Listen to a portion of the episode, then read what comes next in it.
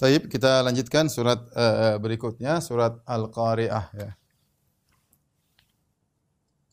Al-Qari'ah Mal Qari'ah Wa ma adra kamal Qari'ah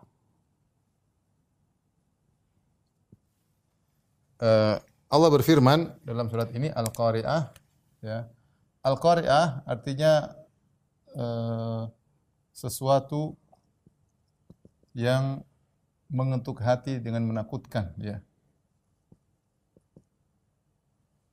Sesuatu yang menakutkan ya yang mengetuk mengetuk hati manusia. Al-Qari'ah ya. Ini salah satu dari nama-nama hari kiamat ya.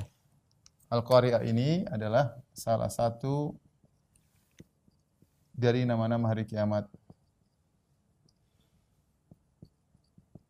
Dan nama-nama hari kiamat sangat banyak ya. Nama-nama hari kiamat banyak ya. Nama-nama hari kiamat banyak ya.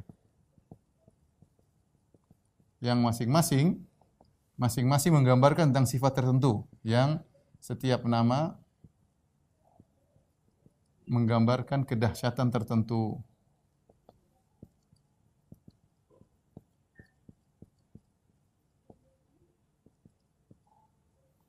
Contoh seperti nama-nama hari kiamat misalnya as-saah.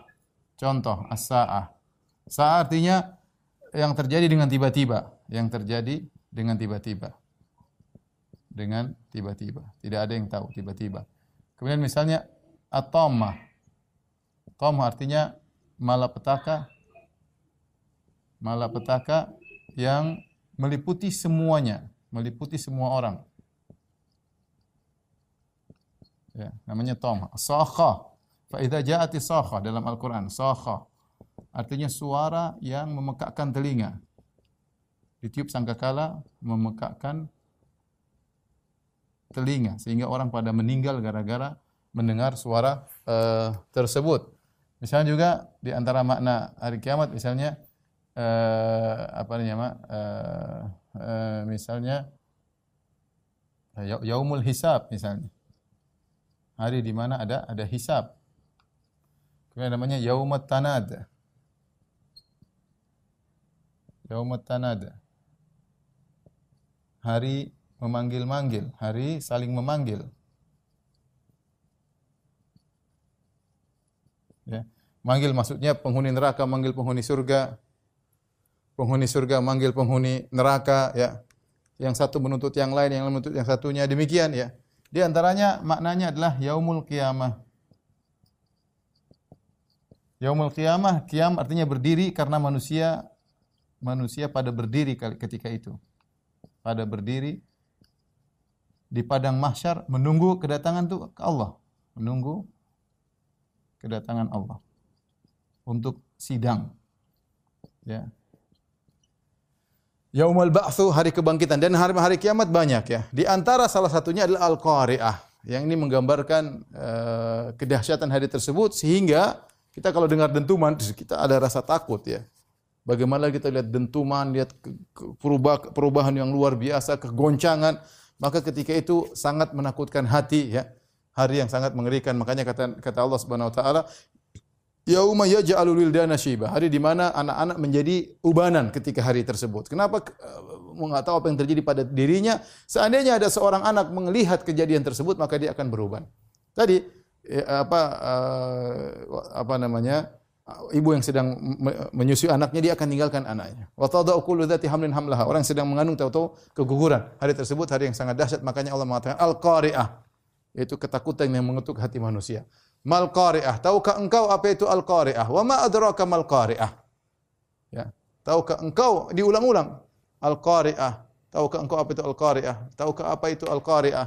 Sampai Allah ulang tiga kali penyebutan al qari'ah, diulang-ulang untuk menunjukkan kedahsyatannya ya. Jadi ini diulang tiga kali al qari'ah diulang tiga kali untuk menunjukkan dahsyatnya dahsyatnya hari tersebut. Dahsyatnya hari kiamat. Al-Qari'ah mal Qari'ah madraka mal Qari'ah. Ya, ini ayat pertama ya. Ayat kedua, ayat ketiga. Ayat keempat kata Allah Subhanahu wa taala, "Yauma yakunu nasu kal farashil mabsus." Yauma yakunu nasu kal farashil mabthus. Hari di mana? Hari di mana? Ya. Di mana manusia seperti uh, laron-laron yang tersebar, yang berhamburan. Kita tahu kenapa? Karena saking bingungnya pada hari tersebut dibangkitkan kemudian orang dalam kondisi bingung ini apa yang terjadi mereka dibangkitkan dari, dari kuburan dalam kondisi eh, mengenaskan mereka tidak tahu apa yang maka bingung seperti laron-laron yang kebingungan tapi kita tahu laron kalau sudah ada cahaya dia datang kemudian dia jatuh dalam cahaya tersebut mati dan tidak peduli karena bingung apa yang harus dia lakukan, tidak tahu. Ya, dalam ayat yang lain kata Allah Subhanahu wa taala uh, ka'annahum jaradun muntasir. Muntasir ya. Mereka seperti belalang yang tersebar. Hari tersebut dahsyat ya ketika masih dibangkitkan, mengerikan ya uh, apa namanya uh, mengerikan. Makanya yang dibangkitkan bukan cuma manusia, bahkan hewan-hewan juga dibangkitkan. Allah berfirman, wa idzal wuhusyu husyirat. Tatkala binatang-binatang buas dikumpulkan oleh Allah Subhanahu wa taala. Ya. Jadi bagaimana seorang dibangkitkan, kemudian ada hewan-hewan di sampingnya, dia bingung apa yang dia lakukan, bingung ada yang ke sana, ada yang ke sini. Ya, itulah kondisi manusia tatkala itu, ya. Ketika terjadi hari kiamat, yauma yakunna sukal farosil mabsus. Orang pada uh, bingung pada hari Eh, tersebut ya. Allah sebutkan juga di antara dahsyatnya hari kiamat ya. Kata Allah Subhanahu wa taala, "Wa takunul jibalu kal ihnil manfush." Jadilah gunung-gunung jadilah gunung-gunung Kal ehen, ehen itu eh, apa namanya seperti kapas ya. Kapas ya. Manfus yang terhembuskan. Terhembuskan.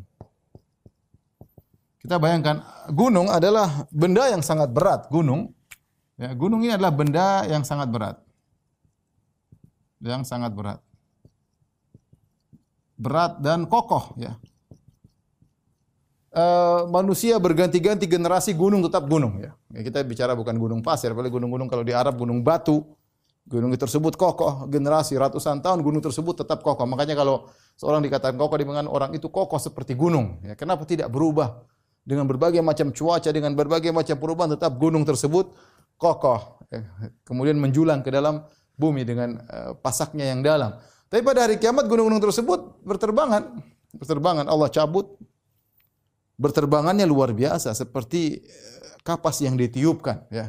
Kali ehnil manfus ya. Kemudian berterbangan, kemudian saling tabrak di antara gunung-gunung tersebut, kemudian hancur seperti wabussatil jibalu bassa. Jadilah gunung-gunung tersebut seperti debu-debu ya, hancur lebur ya. Ya makanya uh, para ulama mengatakan gunung pertama ketika terjadi hari kiamat dicabut terlebih dahulu, setelah tercabut kemudian setelah bumi digoncangkan dia tercabut, kemudian dia berterbangan, kemudian dia bertabrakan, kemudian jadilah uh, apa namanya? Jadilah debu hancur semuanya. Wa takunul jibalu kal ihnil manfush. Setelah itu Allah berfirman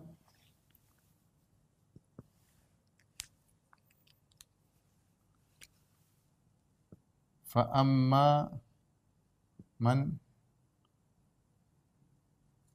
sakulat mawazinuh fahuwa fi 'ishatir radiyah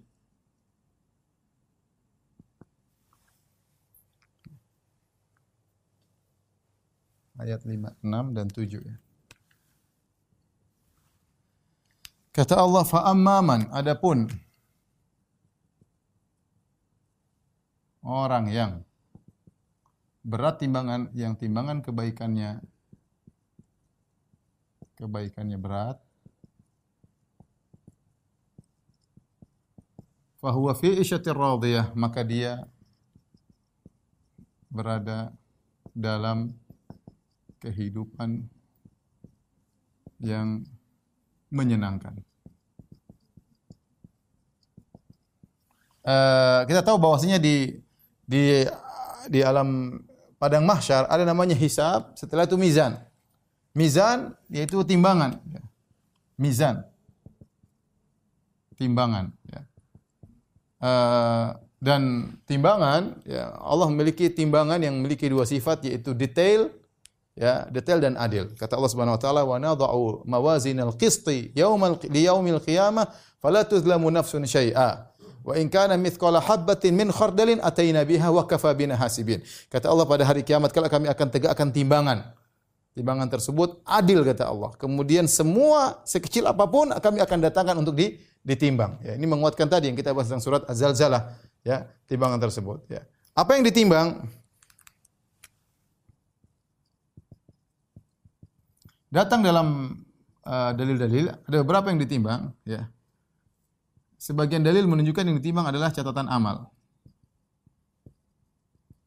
Kemudian sebagian dalil menunjukkan yang ditimbang uh, uh, orangnya, pelakunya. Sebagian dalil menunjukkan yang ditimbang adalah amalnya. Ya. Ini semua tidak ada pertentangan. Semuanya kembali kepada fokus kepada amalnya. Ya. Amalnya. Ya, seperti kata Nabi SAW, Alhamdulillah tamla'ul mizan. Ucapan alhamdulillah kalau diucapkan dengan tulus akan memberat timbangan. Kata Nabi SAW juga, "Ma min syai'in athqalu fi mizanil mu'min yaumal qiyamah min husnil khuluq." Tidak ada sesuatu yang paling berat ditimbang pada hari kiamat seperti husnul khuluq, seperti akhlak yang mulia, ya. Ya, jadi kalau amal-amal tersebut ditimbang oleh Allah. Gimana caranya? Sebagian ahlul bid'ah mengatakan tidak ada timbangan, timbangan cuma kiasan. Ya, karena amal itu abstrak, bagaimana bisa ditimbang? Namanya timbangan suatu yang konkret, suatu zat, bagaimana abstrak ditimbang? Ya, jawabannya mudah bagi Allah untuk merubah yang abstrak menjadi konkret dan itu datang dalam banyak hadis ya. Contoh seperti pada hari kiamat kelak di alam barzah, amal soleh datang dalam bentuk seorang yang tampan ya, dengan bau yang harum. Amal buruk datang dalam, dalam bentuk seorang yang buruk dengan bau yang sangat uh, bau ya. Jadi amal dirubah oleh Allah Subhanahu wa taala. Contoh lagi seperti Nabi mengatakan uh, kullu kullu mri'in tahta sadaqatihi yaumal qiyamah. Sungguhnya manusia pada hari kiamat akan di bawah sedekahnya. Sedekah adalah amal. Tetapi pada hari kiamat dia datang dalam bentuk naungan, menaungi manusia di padang mahsyar dari terik matahari yang sangat panas ketika itu. Demikian juga kata Nabi SAW, Iqra'u al-Zahrawatain. Bacalah surat Al-Baqarah dengan surat Al-Imran. Fa innahuma uh, ya'tiyani yaumal qiyamah ka'annahuma goyayatan au gomamatan ya uh, bacalah Al-Qur'an Al-Baqarah dan surat Al-Imran karena keduanya akan datang dalam seperti dalam bentuk dua kumpulan burung atau dua dua naungan. Jadi Allah rubah ya yang yang yang, yang abstrak menjadi konkret untuk ditimbang dan itu urusan Allah. Kita beriman dengan hari kiamat maka tidak boleh kita takwil. Kita bilang oh timbangan enggak ada. Itu hanya takwil aja karena enggak mungkin sesuatu yang uh, abstrak ditimbang. Namun kita sudah bantah tadi Allah mampu merubah suatu yang abstrak menjadi konkret untuk sebagai indikasi untuk indikator untuk ditimbang. Kemudian dalam uh, sebagai riwayat ditimbang catatan amal. Catatan amal seperti uh, hadis bitaqah ya. Hadis bitaqah ya yang ditimbang adalah dia punya kartu la ilaha illallah ya. Kemudian diletakkan dalam timbangan ternyata sangat berat la ilaha illallah karena tauhid isinya. Tauhid isinya maka timbangannya menjadi berat. Terkadang dalam satu hadis disebutkan yang ditimbang adalah orangnya. Seperti dalam hadis Ibnu Mas'ud. Ibnu Mas'ud radhiyallahu anhu suatu hari sedang mencari uh, siwak kemudian bersama sahabat yang lain tiba-tiba ada angin bertiup kemudian membuka sarungnya sehingga terlihat betisnya yang kurus. Maka sebagian sahabat tertawa. Ketika sebagian sahabat tertawa Nabi berkata mimma tathakun? Kenapa kalian tertawa? Kata mereka mendikoti saqaihi ya Rasulullah. Karena kami tertawa betisnya yang sangat kurus. Kata Nabi SAW lahuma fil mizan yaumal qiyamah athqalu min jabal Uhud. Sungguhnya betisnya itu pada hari kiamat lebih berat daripada gunung Uhud. Jadi ditimbang orangnya juga timbang orangnya tetapi semua catatan amal atau orangnya kalau timbang di, di timbangan jadi lebih berat tergantung amalnya keikhlasannya. Makanya kata Nabi SAW, la ya'ti uh, la ya'tiyanna rajulun saminul azim yaumal qiyamah wa la yuzanu bi jana'i ba'udah Allah yaumal qiyamah. Akan datang seorang yang gemuk dan besar ketika ditimbang pada hari kiamat tidak lebih berat daripada sayap seekor nyamuk. Artinya apa? Amalnya buruk sehingga timbangannya tidak bernilai. Jadi apakah yang ditimbang catatan amal atau orangnya atau amalnya, maka semua kembali kepada uh, kualitas amalnya ya. Kualitas amal. Kualitas amal mempengaruhi berat orang dan mempengaruhi mempengaruhi berat orang dan mempengaruhi berat catatan, mempengaruhi. Taib, uh, fahuwa fi isyatin radiyah, maka dia akan dalam kehidupan yang menyenangkan. Kita tahu di dunia ya banyak yang tidak menyenangkan. Banyak yang menyenangkan, banyak juga yang tidak menyenangkan. Ya. Terkadang hal tersebut di dekat-dekat kita ada orang yang uh, menyenangkan kehidupannya, ada rumahnya menyenangkan, ada istrinya menyenangkan, ada anaknya menyenangkan, ada anak buahnya menyenangkan, ada bosnya menyenangkan, ada pekerjaannya menyenangkan. Namun dalam sisi lain ada yang tidak menyenangkan baginya. Terkadang seorang istrinya tidak menyenangkan, anaknya tidak menyenangkan, suaminya tidak menyenangkan, pekerjaan tidak menyenangkan, tetangganya tidak menyenangkan, kesehatannya tidak menyenangkan. Ya, banyak hal yang namanya bumi di, dunia kita hidup di, hidup untuk diuji. Ya, tetapi ketika seorang ditimbang pada hari kiamat ternyata amal kebajikannya lebih berat, maka dia pasti mendapatkan kehidupan yang menyenangkan dia. Tidak ada yang tidak menyenangkan. Semua isinya adalah tertawa. Makanya orang masuk surga kata Allah Subhanahu wa taala, la khaufun alaikum wa la antum tahzanun. Tidak ada kesedihan, tidak ada kekhawatiran. Apa yang buat kita sengsara di dunia? Kesedihan, kekhawatiran. Itu yang kekhawatiran tentang masa depan, kekhawatiran tentang ekonomi, kekhawatiran tentang kesehatan, kekhawatiran tentang anak-anak, kekhawatiran tentang usaha, banyak ya. Kesedihan, kesedihan masa lampau, masa lalu yang kita alami teringat terus membuat kita sedih. Di surga tidak ada lagi kesedihan, tidak ada lagi kekhawatiran, ya. Ini ini tempatnya kekhawatiran, tempatnya kesedihan karena semuanya isinya dengan kesedihan. Ya, kemudian kata Allah Subhanahu wa taala, "Wa amma man khaffat mawazinu." Selanjutnya